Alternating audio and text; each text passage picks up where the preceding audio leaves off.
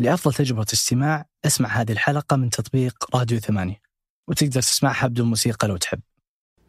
أصدقاء مربع الرائعين أهلا بكم في حلقة جديدة من بودكاست مربع من قناة شباك. معكم من حاتم النجار كل خميس ضيف جديد نبحث معه عن قصص جميلة أفكار مفيدة ونقاشات مثرية. في بودكاست مربع نحب التنوع ونحب العفوية ونحب تسمع معنا اللقاء كما هو بدون تقطيع ولا تلميع. عشان تعيشوا معنا اللقاء كأنكم جالسين معنا وتستمتعوا.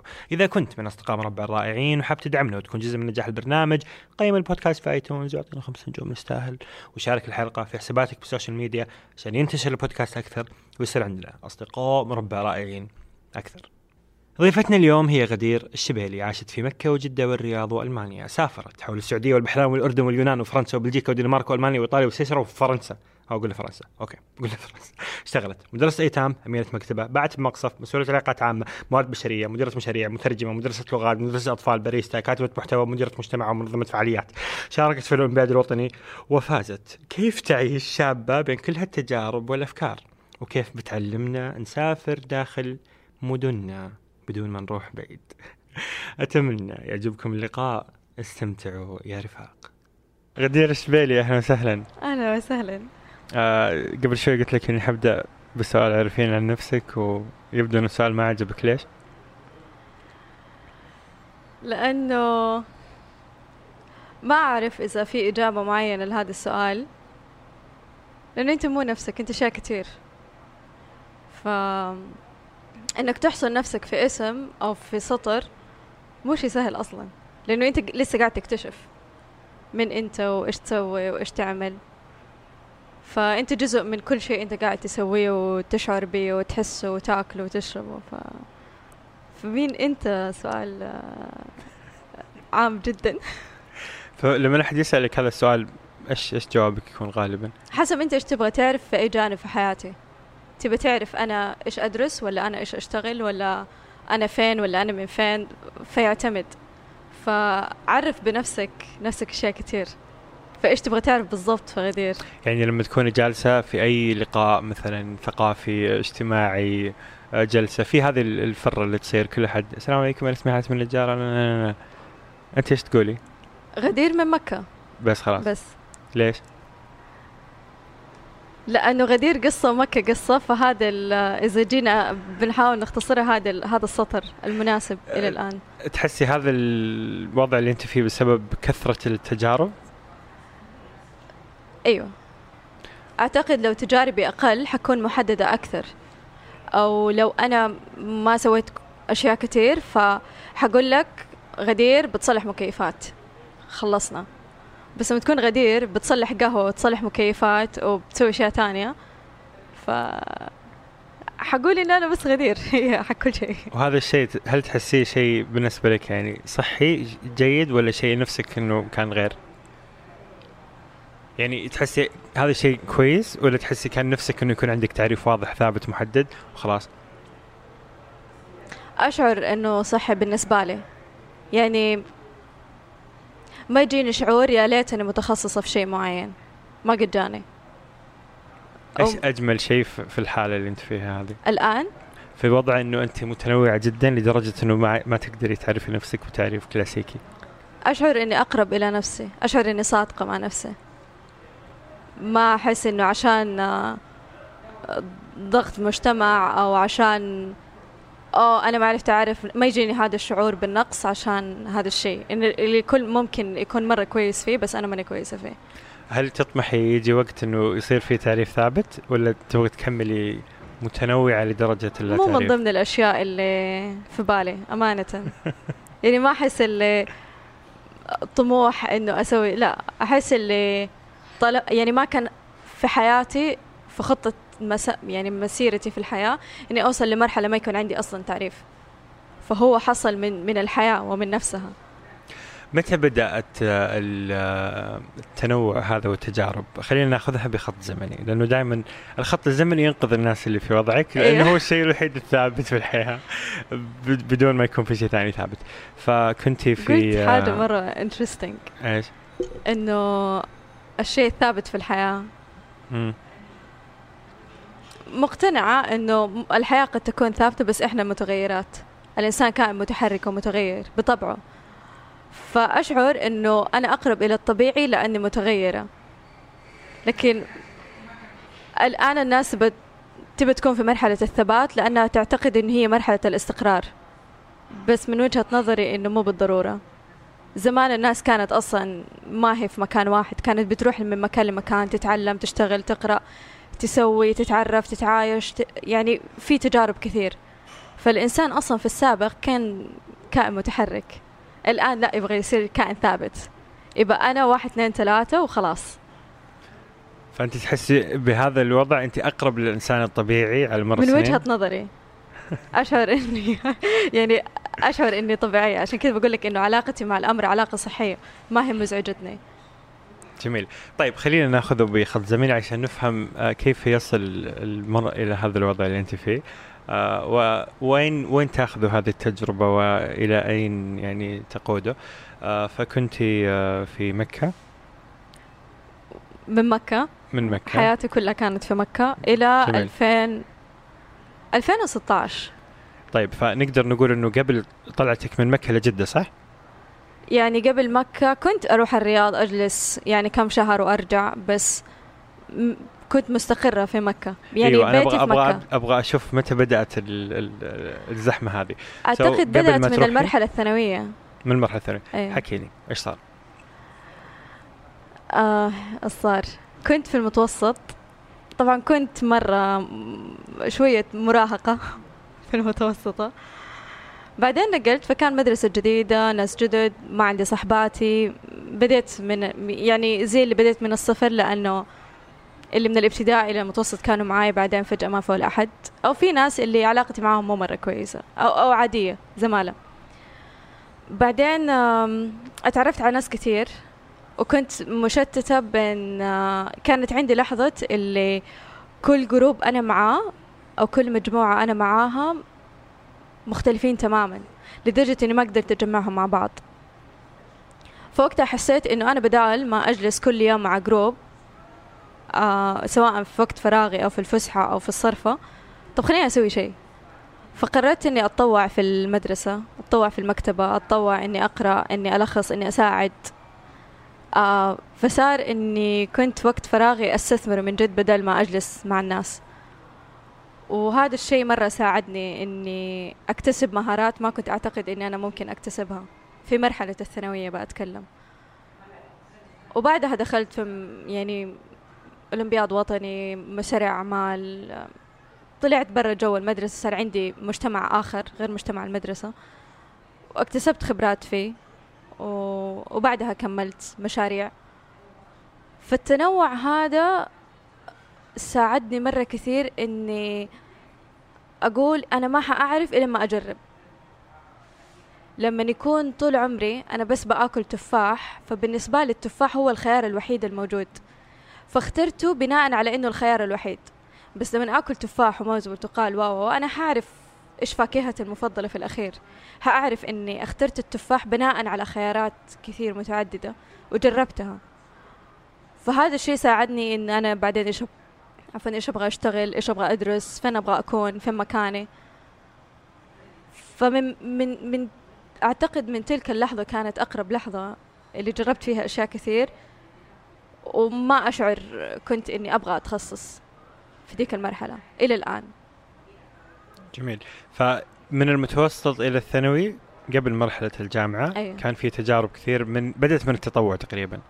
كنت بتطوع كنت بشتغل يعني part time في الدوام جزئي في المدرسة أساعد أعمل ما أعرف إيه. بس كانت الفكرة إني بستثمر في وقتي بستثمر في الفراغ اللي عندي إني أتعلم شيء جميل. بدل ما إنه بس أتخرج بشهادة ثانوي جميل. بعدين متى بدأت فكرة السفر والت أو الترحال كما تحبين تسميها؟ أوكي.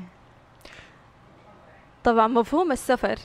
مسبقا كان موجود بطريقة مختلفة تماما. بحكم مكة وبحكم يعني بتقابل ناس مرة كتير والأشياء اللي بت يعني بتعيشها في السفر بتعيشها في مكة. بس متى بدأ لحظة الوعي إنه هذا اسمه سفر؟ أعتقد متأخر. يعني في مكة كنت أعيش بس ما كنت مدركة ترى هذا السفر أو هذا اللي قاعد يصير. آه بدأ لما آه من الآن تقريبا 2017 2017 يعني كانت أول رحلة لي برا السعودية. فلما رجعت ما كانت ديك التجربة كانت تجربة عادية. كنت أعتبرها فعلا حالة غير الجو وبس. وين رحتي؟ عفوا؟ وين وين سافرتي؟ كانت في أوروبا. جميل. فكان كنت أعتبرها مرحلة تغيير جو. رجعت دوامي شغلي دراستي زي ما هي ما في شيء يتغير. ما حسيت إنه أنا داخليا اتغيرت أساسا. 2018 يعني اللي بدأت اللي بدأت رحلة إنه جربي. لأنه ال- السفر لما ترجع منه قد تكون أنت في يعني تحت حالات منها تعتبر إنه أنت غيرت جو ترجع دوامك طبيعي ما في ولا شيء تغير. الشيء الثاني الحالة الثانية والأخرى إنك تجي بتتحلطم. البلد ما فيها والبلد يخطيها وشوف الناس كيف عايشين وتبدأ في مرحلة المقارنة اللي حتقلل بنسبة كبيرة جدا من تقدير ال- النعم الموجودة في حياتك والمعطيات. الحالة الثالثة إنه لا والله أنا رحت هناك وانبسطت إيوه وحرجع الشيء اللي خلاني يبسطني هناك يبسطني هنا. الشيء اللي كنت أسويه هناك وكنت مرة سعيدة فيه حأرجع هنا وأسويه. طب إيش معنى هناك كانت نسبة اجلس على الجوال يا دوبك تتعدى نص ساعة في اليوم؟ هنا أجلس وقت أطول. ليش هناك أنا بتعرف على ناس وأشوف مناظر وهنا لا؟ فبعدها لما رجعت حسيت اللي أنت تعرف تأثير الشيء بعده مو بالضرورة في أثناءه فبدأت هناك فكرة إنه ترى السفر كان موجود من قبل بس بمفهوم مختلف بطريقة مختلفة. فلما رجعت صار إنه أوكي الشيء اللي كنت أسويه هناك حأسوي زيه أو شيء مقارب. بس أهم شيء إنه يعيش الشعور اللي اللي حسيته هناك. شعور البسطة شعور اللي غيرت جو شعور اللي قابلت ناس شعور اللي تعلمت شيء جديد اللي قابلت ناس وتعلمت منهم وعلمتهم وأعطيتهم. فغيرت مفاهيم مرة كثير. مرة كثير. حتى في تعاملي مع الناس في أسلوب حياتي في أكلي في شربي. فاستوعبت إنه أوكي المفهوم بدأ وأنا بدأت أعيش مفهوم السفر بس بطريقتي الخاصة. السفر حتى لو داخل نفس مدينتك يعني إنك تسافري داخل مكة؟ أيوه. كيف؟ يعني مكة أنا حياتي كلها كانت في مكة. فكنت يعني مقيمة في مكة ماني ماني سائحة. فلما خرجت من مكة صرت أروح مكة كسائحة. صرت أروح مكة زي زي الحجاج. أعيش شعور اللي المعتمر والحاج اللي أخيرا مكة. جيت مكان أنا أول مرة أروحه. طب إيش الأشياء اللي حيعملها؟ يعني أنت لما تروح بلد جديد إيش الشيء اللي أنت تبغى تتعلمه في البلد؟ إيش الشيء اللي أنت تبغى تكتسبه؟ إيش ال- العادات اللي أنت تبغى تتعلمها أو تشوفها أو تعيشها؟ الأكل اللي تبغى تاكله الشرب اللي تشربه. ففي تفاصيل مرة كتير أنت تعيشها برا بس لما تيجي هنا تحس إنه مخك خلاص ما يستوعب. فصرت لما أروح مكة اللي مكة فيها أشياء كتير. يعني واحد كان بي بيقول لي إنه مكة فيها كل شيء ونفس الوقت ما فيها ولا شيء بس فيها كل شيء. فصرت لما أروح معايا backpack معايا شنطة أروح فين حنام؟ couchsurfing أروح الحرم. أعيش في الحرم أعتكف في الحرم آكل في الحرم. خاصة في أجواء رمضان إنه الأكل بيجيك لين عندك الناس بتوزع عليك. الشعور اللي يجيك هناك إنه أنت فعلا وسط الناس. في هايكينج روح الجبال عندك جبل النور عندك جبل جبال مرة كتير تقدر تتسلق فيها. مناظر مرة كتير. يعني في مكة أنواع الأكل اللي تقدر تاكله ما حتقدر تاكله في أي مكان تاني لأنه أكل مكة. الشرب اللي تشربه ما حتلاقيه في أي مكان تاني لأنه شرب حق مكة. فأو فأول مرة جيتي بعد ما سافرتي أوروبا قلت خلينا أسافر في مكة. كانت في مكة. فرحتي سافرتي داخل مكة اللي أنت أصلا طول عمرك عايش فيها. أيوه. بس دخلتي بمنظور سائح يعني نقدر نقول. منظور تماما. وهذا يعني- شيء خاص في مكة ولا في أي مدينة؟ رحت مكة رحت المدينة رحت الرياض حتى في جدة. يعني جدة لما جيت أوكي أنا في جدة بس أنا في حي واحد. بس عمري ما فكرت إني أسافر للحي المعين. عمري ما فكرت أسافر البلد. كيف سافرتي في جدة مثلا؟ يعني هو مفهوم السفر بالنسبة لي لغدير إنه هو تغيير الحال اللي أنا فيه. بإني أقابل ناس ما أعرفهم أجرب شيء ما أعرفه وأتعلم شيء جديد. بكل بساطة أنا يعني لخصته وبسطته بالنسبة لي بحيث إني أقدر أعيشه في أي مكان في أي زمان بكل يعني مرونة. أم ف مرة من المرات يعني شلت الجيتار حقي حطيت فيه له أكل حسيت أنا لو كنت في برلين اليوم إيش حأسوي؟ بحكم إنه برلين هي المدينة اللي غيرت هذا المفهوم. okay شلت الجيتار شلت كتاب. قررت إنه أي شخص أقابله اليوم أعطيه شيء وأتعلم منه شيء وأقضي معاه وقت. زي زي هناك بالضبط. رحت البحر اتعرفت على ناس مرة كتير. يعني كمية الناس اللي قابلتهم إلى الآن حرفيا أنا ما أعرف اسمهم. كيف تعرفت عليهم؟ رحت البحر سلمت على شخص كذا السلام عليكم أنا أيوه كان في غدير مجموعة ورحت قعدت عندك قلت ممكن أجلس معاكم؟ طيب. كان الوضع awkward بس كذا اللي نظرات. Okay. فقلت لهم إيش بتسووا؟ فكان واحدة منها كانت بتخيط فعلمتني كيف أخيط وجربت حلو. فقعدنا نتكلم يعني حقيقة أظن قعدنا يمكن نص ساعة إلى ساعة. أنا ما أفتكر اسمهم ولا أفتكر هم مين ولا إيش شغالين. بس الشعور ال- ال- البسط اللي جاني كان كفيل إنه أكتفي بهذا الشعور. حسيت okay interesting بعدها قابلت واحد صياد وقعد إنه يعلم كده حاجة بسيطة في الصيد. بس كانت إنه إحنا في حياتنا الناس عندها وفرة علم ومهارة كثير. بس ما جات الفرصة اللي الناس وتقول لك ممكن تعلمني؟ فقعدت أفكر العلاقات الموجودة حولي سواء أصدقاء زملاء أو ناس ما أعرفهم كل أحد عنده مهارة يقدر يقدمها أو يقدر إنه يشاركها مع الناس. فلما واحد يعرف يرسم لاتي آرت ولا واحد نجار ولا واحد آه، عازف جيتار ولا أيا كان أنت تقدر لما تقابله تاخذ خمس دقايق. ممكن تعلمني؟ بالعكس هو حيحس ب إنه والله هذا الإنسان واثق إن أنا أقدر أعطيه واثق بالعلم اللي عندي. فالشعور اللي يجيه هو بالمقابل كمان شعور لطيف. فهذه التجربة رغم إنها بسيطة جدا بس فرقت فرقت حتى في أسلوب حياتي فرقت حتى في وقتي إنه أنا والله تعلمت شيء جديد اليوم وإن كان شيء مرة بسيط. فبعدها لما بديت أشاركها الناس صارت إنه غدير نبغى نقابلك عشان نبغى نعلمك هذا الشيء أوكي. فقلت أوكي فواحدة يعني عزمتني عندهم البيت وقعدت تحكي وتشاركنا أشياء مرة لطيفة. واحد كان بيعلمني فول و... فأشياء أنا ما خطرت حتى في بالي. فصار إنه معرفة الناس هي برضو استثمار لنا. إنه إحنا نقدر نتعلم من خلال الناس بغض النظر سواء هنا ولا برا في أي مكان في العالم. ويمكن الموضوع يعني الموضوع كان هنا أسهل من برا. برا ممكن في تطبيقات تساعدك إنك تدخل مع الناس. هنا إنه كده أحد ما تعرفه بس. في لغة تواصل إنه تقدر تشرح له أنت إيش بتسوي بالمقابل يتقبلها منك. جميل. طيب خلينا نعطي الناس آه، دليل واضح مباشر. واحد الآن في الرياض أو واحد أو واحدة جالسين في الرياض. كيف يسافروا داخل الرياض؟ خطوة بخطوة. كيف يسافر إيش؟ داخل الرياض. wow الرياض في اشياء مرة كتير. يلا حكيني. شخصيا؟ تجربتي الشخصية لا لا أبغى أبغى اللي يسمع يجرب okay. هذه التجربة. واحد مثلا جالس في الرياض ما عمره في حياته فكر بمفهوم السياحة في الرياض. فأنت أيوه. عندك مفهوم إنك تسافر داخل أيوه. مدينتك اللي أنت عايش فيها طول عمرك. كيف واحد في الرياض يت... يسافر كسائح داخل الرياض؟ يمشي في الرياض بدل ما يستعمل السيارة. هذا أول شيء. حلو. أعرف كثير ناس يعني ما حتتقبل بس حقيقة هذا اللي كنت أسويه.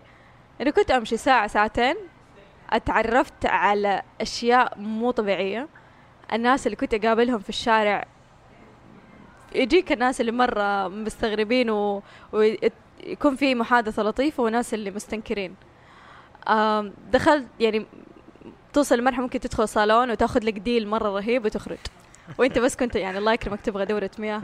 وتقول لهم أنا قاعد أمشي من ثلاث ساعات وشفتكم ويبدأوا يتابعوك مثلا في ال social media ويشوفوا أنت فين حتوصل فكانت التجربة مرة interesting تقدر تعمل hike في الرياض. تقدر آه، تجرب كل يوم شيء جديد. تقدر تتسلق شجر. آه، تقدر تعمل تحديات. تقدر تعرف على ناس انت ما تعرفهم. كيف تحديات؟ واحدة من التحديات كانت إني أنا أتغدى مع ناس ما أعرفهم. okay. أروح مطعم وأقول لهم كي اجلس معاكم وأتغدى. وفي الرياض مع إنه الرياض يشاع عنها إنه آه يعني مو مرة مرحبين. في الرياض جربت هذه. التجربه إيه. وكانت كانت تجو... تجاربي يعني فترة الرياض يعني حتى لما نقلت فترة الرياض هي أكثر مرحلة أنا أفتكرها حياتي في السعودية. لأنه كنت أروح دوامي بدراجة وهذا كان شيء غريب بس كان بالنسبة لي مرة كان شعور لطيف. لطيف جدا. يعني قبول الناس ال- الجو كان يساعد كمان. جميل. فأشياء كثير جربتها في الرياض. طيب أنا أنا لاني دائما أقابل غرباء في تويتر دائما الناس البنات تحديدا يقولوا ان أوه حياة الأولاد سهلة يمديهم يقابلوا ناس غرباء ومدري إيش بس أنا بنت البنات ما يتقبلوا. فكبنت طبي على بنات فجأة في الكورنيش وفي الرياض وفي جدة. كيف كانت تجربتك مع إنه البنات الغرباء يتقبلوا وما يتقبلوا؟ شوف بنات مع بنات الوضع مرة أسهل لأنه إحنا فاهمين بعض. يعني أنا بتعرف على بنت أنا حتعرف أتكلم عليها مع بنات مع بنات طبعا. أيوه. لأنه دائما البنات في تويتر يقولوا أوه شوف الأولاد يمديهم إحنا ما يمدينا. عمري صراحة ما فكرت بموضوع مقارنة إنه ولد وبنت شخصيا. أحس إنه عادي. فتجربتك مع الب... ما قد جيتي كذا بنات جالسين قلتي السلام عليكم بتغدي معاكم إلا. قالوا لك إيش إيش سويت؟ يعني أغلب المواقف كانت بتصير مع بنات لأنه أيوه بالنسبة بس ما يرفضوا يعني. ما إيه؟ ما يرفضوا يرحبوا فيك. أيوه. okay فالبنات يرحبوا بال... بالبنات. بالعكس يعني لأنه يعني الأولاد يعني إذا سويت حيرحبوا. okay بس البنات حيرحبوا أكتر لأنه فيهم استفهام وإذا حيسألوا حيكون أسهل عليهم. لأني بنت أنا حأفهم لغتهم. طيب قد جلست جيتي عرضتي هذا العرض على أحد وقال لك شيء يعني رفض؟ السلام عليكم بجلس معاكم يمكن لا، ست. كبيرة. حكيني قد قد جاك رفض في هالموضوع؟ ما أفتكر الآن ما يحضرني بس ما قد صار لا. يعني أغلب. المرات؟ أغلب المرات اللي كده يطالعوا يعني أنا أعرف حسب الوضع إذا هم أصلا مشغولين ولا لا. طيب. إذا والله جالسين كده يهرجوا مدري إيش و... وكان شوي إذا كان كمان الصوت عالي وتحس الهروج عادية تروح. بس إذا عائلة ما أروح. مم. ما ما أفضل لأنه خصوصية العائلة. بس إذا كذا شلة أصحاب جالسين؟ إذا كده شلة بنات وأقول يعني أهلا مدري إيش اسمي فلان الفلاني آه، أقدر أجلس معاكم؟ فهم كده اللي أوكي. إيه تفضلي. ما. يعني ما حيقولوا لك لا عرفت؟ أيوه. فل... okay. فلا متقبلين.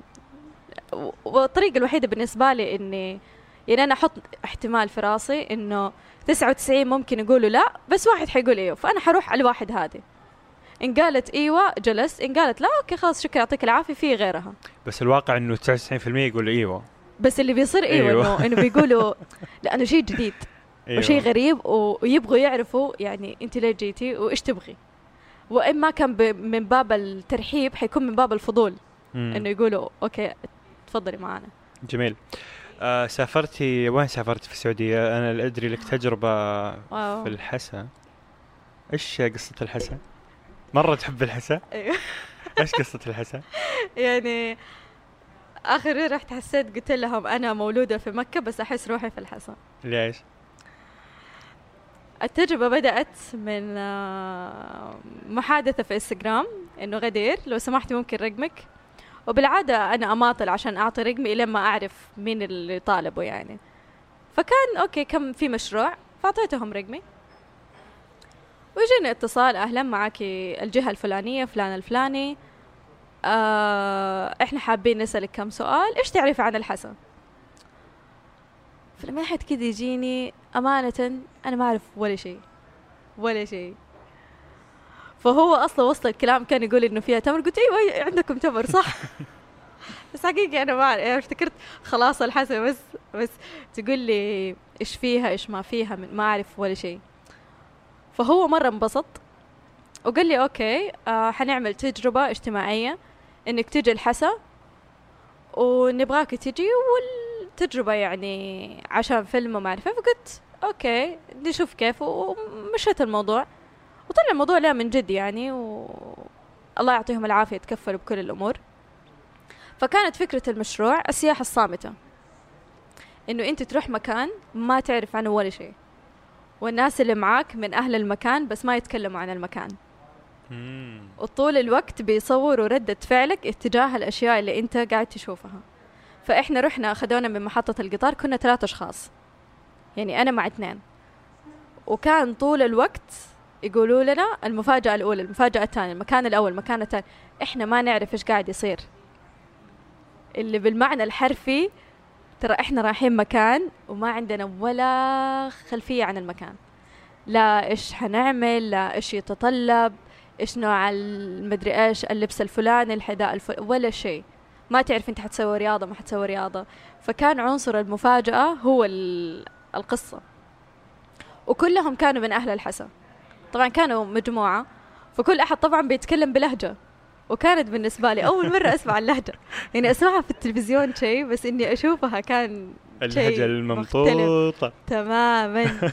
وغير إنه كانوا بيقولوا لي دحين أتصل لك على أمهاتنا.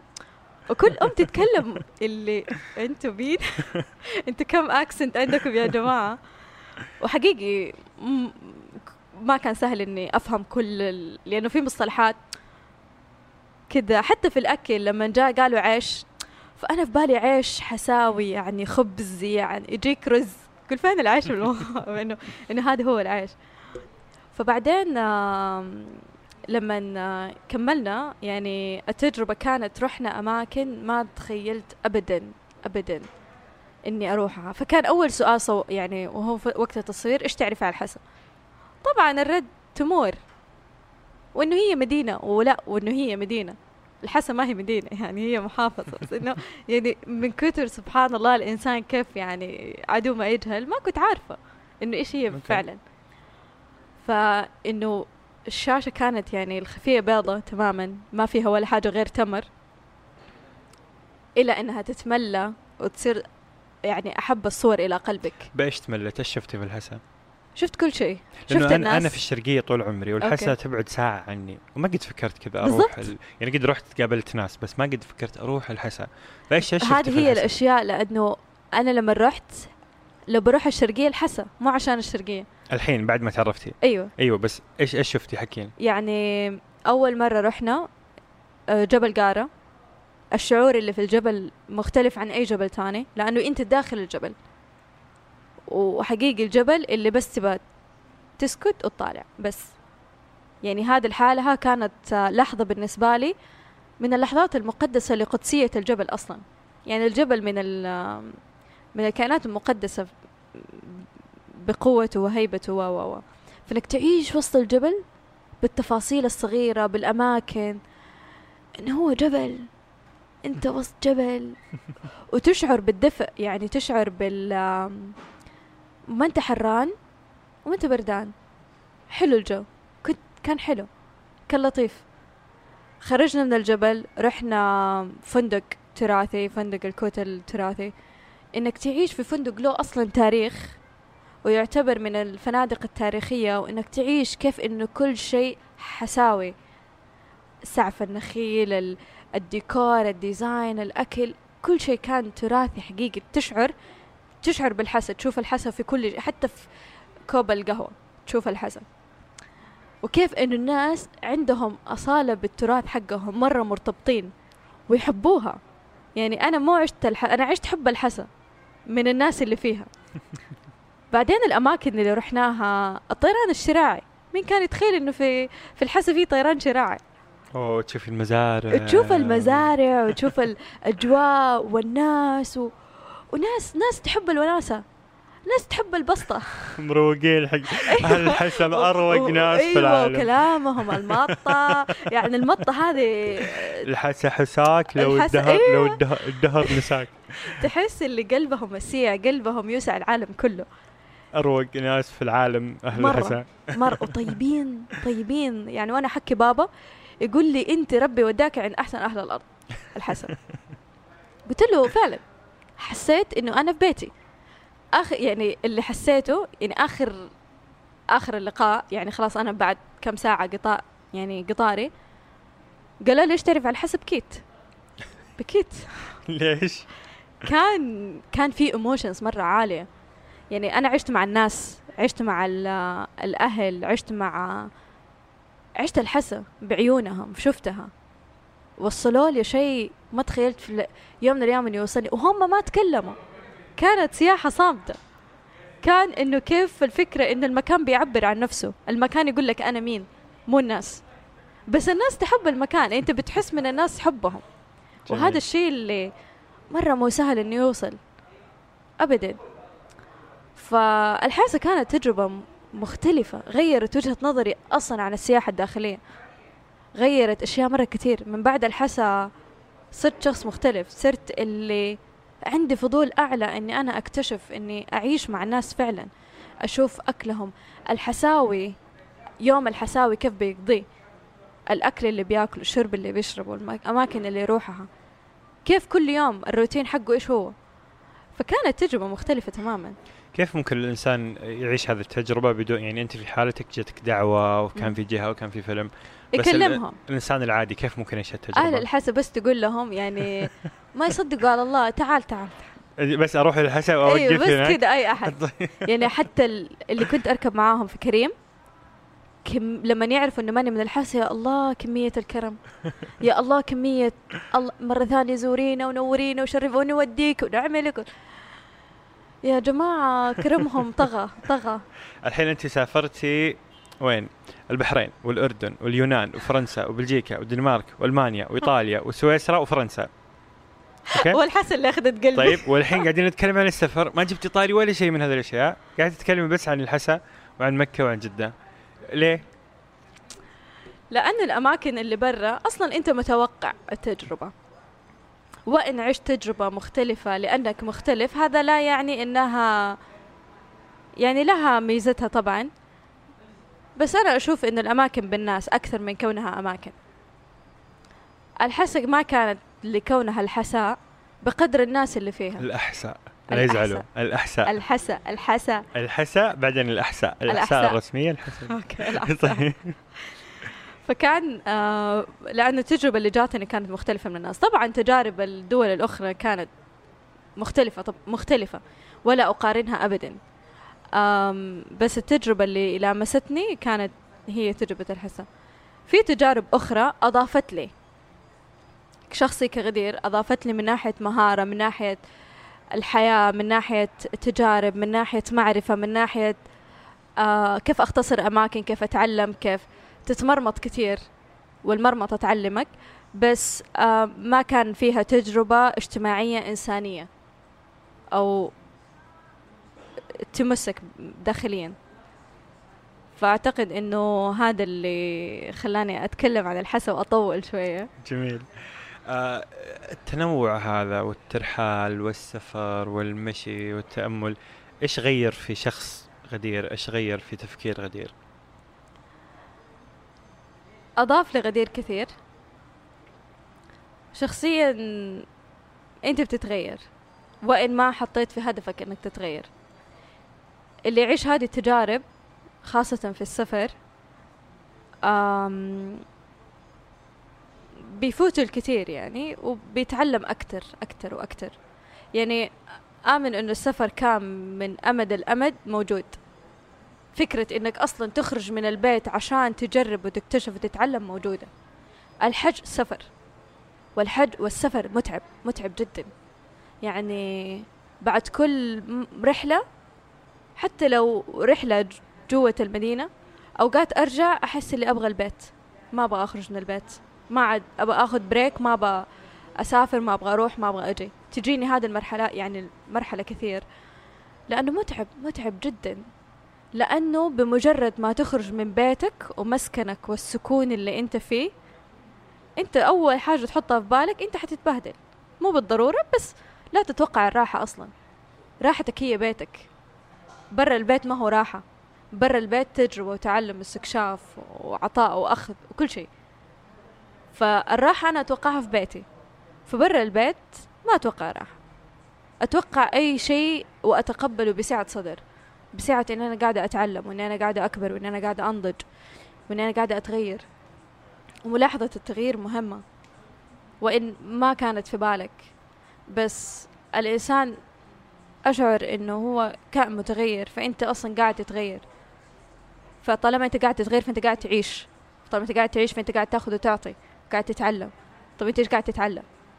هنا هنا تجيك تفاصيل كثير. إيش جودة الأشياء اللي أنت قاعد تتعلمها؟ إيش المهارات اللي أنت أضفتها في اليوم؟ فمن كون إنه أنت شخص ما تعرف إيش قاعد تسوي في الحياة وما عندك هدف في يومك إلى شخص يومك وروتينك صار بس عندك وعي إضافي وزيادة أنت إيش قاعد تسوي؟ والوعي هو اللي يفرق. فمن التجارب هذه أكثر شيء ممتنة إني قاعد كل يوم يزداد هو الوعي. وعي أنا إيش قاعدة آكل. وعي أنا متى أبغى أنام. وعي آه أنا كيف قاعدة أتنفس. وعي أنا كيف حأخرج. وعي أنا إيش وسيلة حأستعمل. وعي أنا متى حأقرأ. وعي أنا كيف حأقرأ. وعي عندي وقت ولا ما عندي وقت. وعي أنا كل 24 ساعة في اليوم كيف بقضيها أصلا. وهذه بتجي مع التجارب بالنسبة لي جات أكثر مع السفر. يعني يعني سهل علي يعني أمر كثير. جميل. من ناحية عملية بحتة الحين حلو الكلام عن السفر والترحال والتنقل بس كلنا في النهاية عندنا يا دراسة يا شغل. ففي حياة غدير مع كثرة السفر والتجارب وين الجانب العملي؟ جانب كسب العيش جانب الشغل جانب الدراسة كيف قاعد يندمجون هالعالمين في حياتك في تجربتك؟ في مقولة أحب أرددها في كل يوم أصحى فيه. إيش حسوي؟ وإيش عندي؟ 24 ساعة تكفي. إذا أنا في شيء ما أبغى أسويه ما أسويه. شغلي مرنة فيه الحمد لله. كنت في مرحلة كنت بشتغل شغل غير مرن أبدا. شغل من تسعة لخمسة عشان تجيب فلوس وبس. والله مبسوط ما أنت مبسوط؟ هذا الشغل. طيب في هذيك المرحلة حبة حبة في هذيك المرحلة إيش كيف كان جبت؟ الجنان لنفسي ولا للناس اللي كنت بشتغل معاهم؟ ليش؟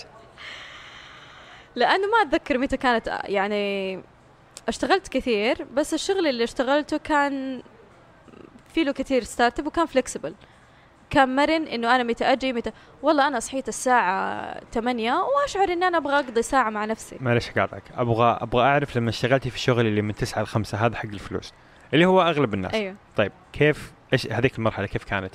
هل كان كنت يمديك انه الشغل أصلا ما ياخذ 8 ساعات. كنت مقتنعة مليون بالمية. فما كنت تسافري في هذيك الفترة؟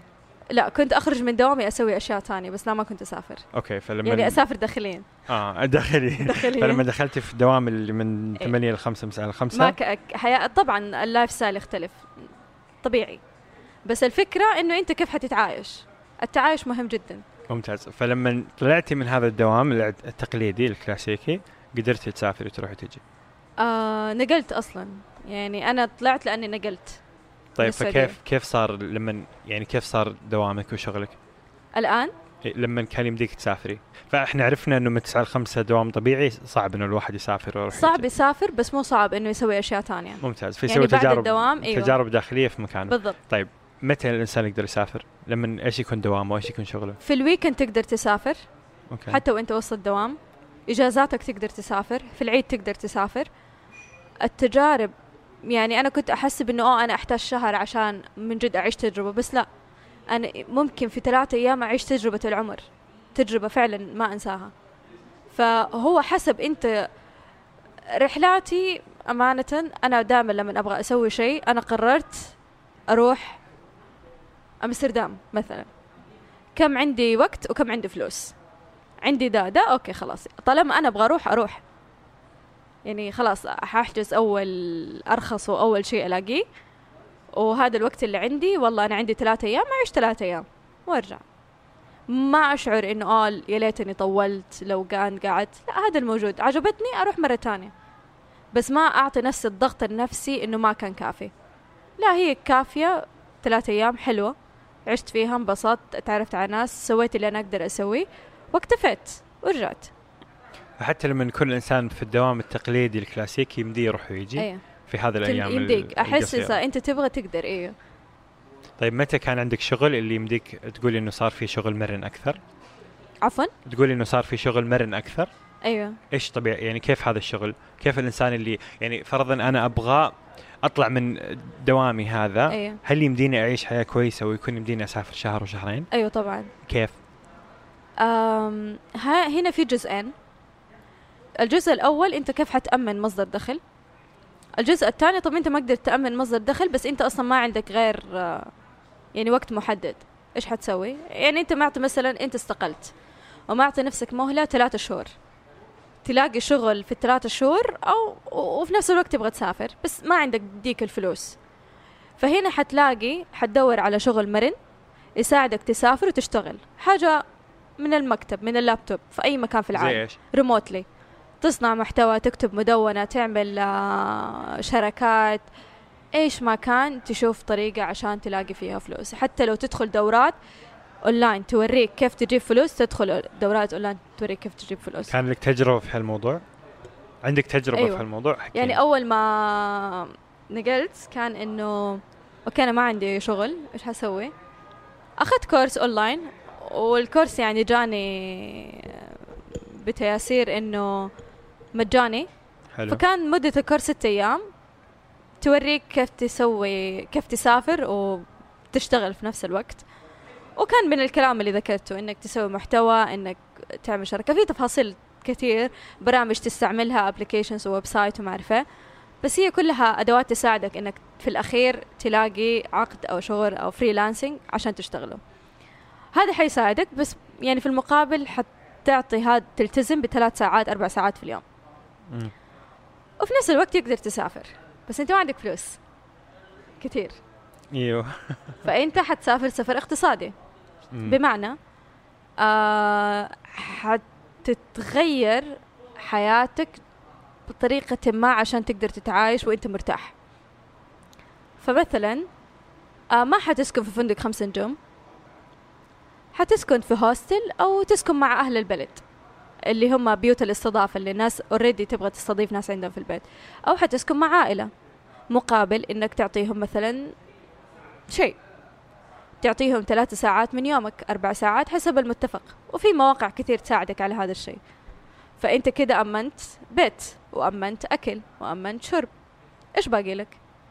إذا أنت والله تتسوق خلي فلوس التسوق بس إذا أنت واحد تبغى تعيش وتنبسط حتروح وحتلاقي خيارات كثير تسويها بدون فلوس. فواحدة من الرحلات اتعلمت جيتار اتعلمت طبخ اتعلمت يوغا اتعلمت تانجو كلها ببلاش. كيف؟ مواقع في مواقع تلاقيها مثلا couch surfing. في حاجة اسمها ال- الفعاليات اللي تصير في المدينة اللي انت رايحها.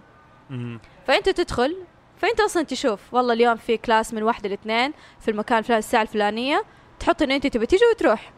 أحيانا بعضهم يحطوا يعني رسوم رمزية بس أغلبها مقصدها إنه بس كده يبني مجتمع في هذا المجال.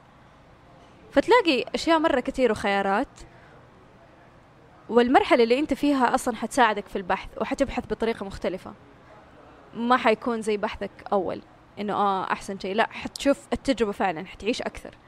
تقريبا كم يكلف سفر زي كذا؟ يعني اعطينا مثال لسفره سافرتيها لمكان معين كم يوم وكم دفعتي توتل يلا زعل الناس. زعل الناس اللي يصرفوا عشرين ألف كل آه، ويكند أول سفرة لي كانت 2017 أم كانت سفرة أم يعني سفرة محترمة. كانت فندق أربعة خمسة نجوم في اي بي معارض متاحف مقاهي آه، فنادق هدايا كل شيء كل شيء كل شيء مع تذاكر مع أكل وشرب مع كل حاجة حرفيا. كانت خمسة آلاف ريال. كيف كيف؟ لمدة عشر أيام. كيف 5000 ريال؟ فندق خمس نجوم.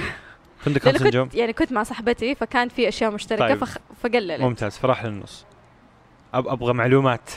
كاتبتها في معلومات بكل دقيقة. شيء. طيب. كل كل فندق طيب. كم دفعت كم الخمسة جلست. okay ال 5000 هذه في نظرك تعتبر آه، كثير كانت ولا أول؟ سفرة لي فما كنت أعرف ما كثير يعني بالنسبة. لك مرة كثير.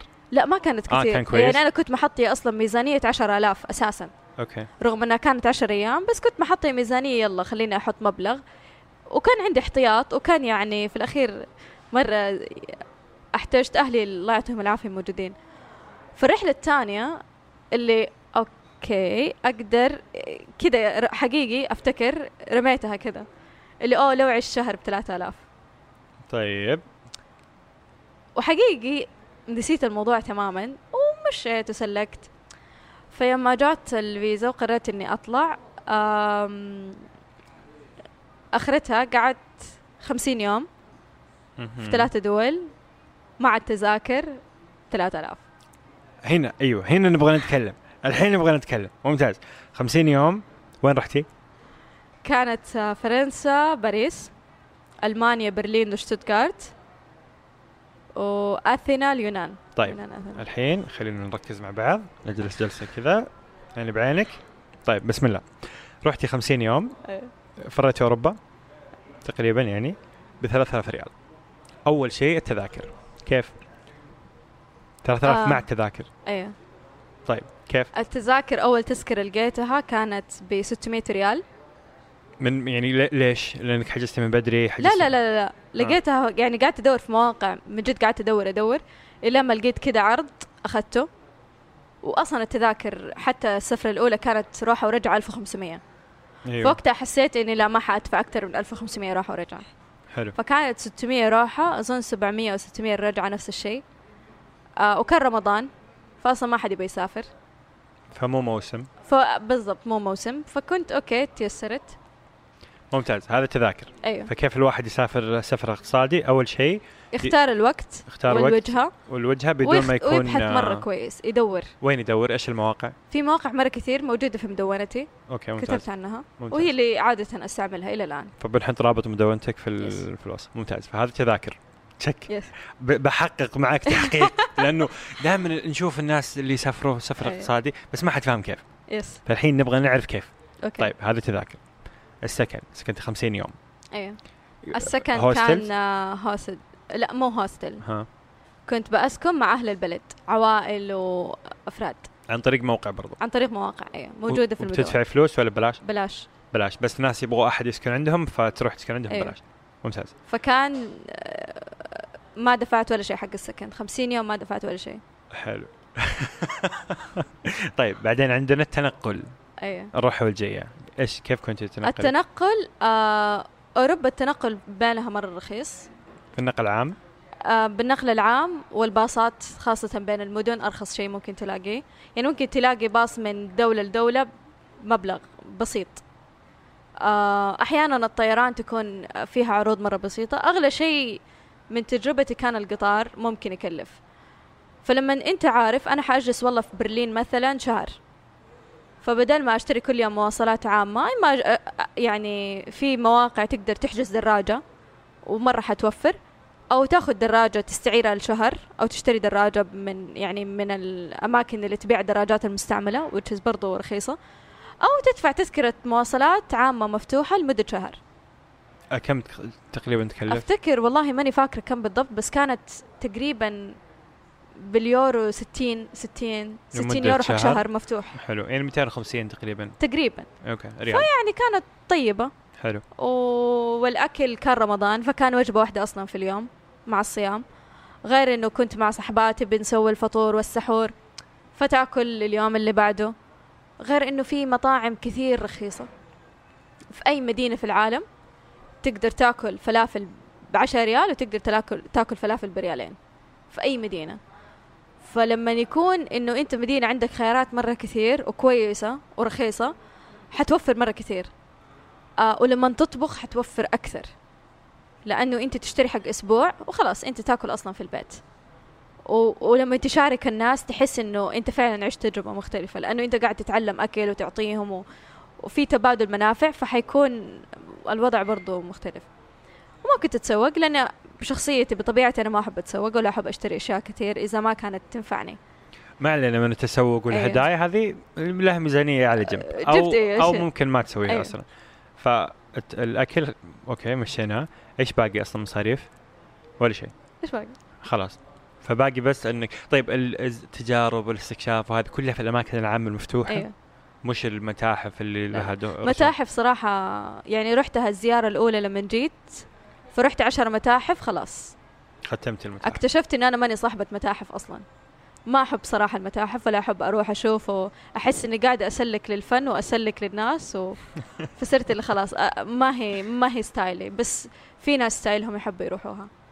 فطالما أنا ما أروح متاحف أساسا ولا معارض وفي فعاليات كتير تلاقيها مفتوحة في الأماكن العامة تلاقي الناس قاعد تحتفل وتطبخ وتنبسط ويلا تروح معاهم وتغير جو. حلو. فكانت إنه فكان كل يوم أصلا أنا بقابل ناس ما أعرفهم جدد. كل يوم بتعلم شيء جديد كل يوم بروح أماكن جديدة. آه في كورسات تلاقيها أصلا مجانا يوغا جيتار ما أعرف إيش. اللي كذا واحد فاضي عنده ساعة في اليوم يلا تعالوا. course ات آه، حضور يعني حقيقية أيوه حضور كذا. تروح و... وتجلس وتقعد معاهم وتتعلم وتسأل وتأخذ وتعطي كأنه course مدفوع بس مجانا. بس كذا ناس يبغوا يساعدوا. أيوه. okay. فحقيقي ما كان ما كان مكلف. فبهذه الطريقة يسافر الإنسان 50 يوم في أوروبا ب 3000 ريال including تذاكر السفر. بالضبط. جميل. جميل. هذه أرخص سفرة سافرتيها ولا في أرخص؟ صراحة أحس ما الموضوع قارنت. يصير تحدي كذا اللي ما قارنت. أوكي. في تجارب أدفع فيها. يعني أنا اللي صرفته كان 3000 بس أنا كان عندي يعني دخل في حال احتجت شيء إضافي. إيوه. آه بس بعدها أساسا أنا يعني قلت لك رحلاتي لما أطلعها أنا بروح المكان الفلاني. عندي هذا المبلغ الموجود. وهذه المدة الموجودة. خلاص يلا أروح. بسم الله. أعرف إنه أعرف إنه ترى أقدر أعيش. أنا ماني قاعدة أعاني. لا بالعكس. أنا كنت مرة مرتاحة كنت مرة مبسوطة كنت بآكل كويس بنام كويس بروح وأجي وكل شيء كان متوفر وعندي كل الخيارات موجودة. فما كان أصلا فكرة إنه فأنا متى استوعبت أصلا إنها ثلاثة؟ لما رجعت. لما جيت أحسب صرفياتي والبنك ومدري إيش أحب أعملها بعد كل سفرة عشان أشوف أنا أنا شخصيتي كيف. فاكتشفت إنه والله بس هذا اللي صرفته. فكان أوكي. في مجال إنه تقدر تسويها. طيب هل حتى الأزواج يقدروا يسووها؟ ولا يصير صعب؟ ما أعرف لأني ما جربت. فممكن. عقبال ما تجرب إن شاء الله. ما أدري ما أدري. الحين بنات صاروا نفسيات في ناس ما يبغوا يتزوجوا فما أدري لما أقول لما أقول إجابة. عقبالك ما أعرف أنا قاعد أمدحها ولا أسبها. يعني قول عقبالك في أشياء ثانية بس okay. okay قاعد أسبها. طيب آه هل في نظرك الأزواج مو عقبالك؟ إن شاء الله ما ما تتزوجي ابدا. ما أدري إيش تبغي بالضبط في حياتك. تبغى تتزوجي؟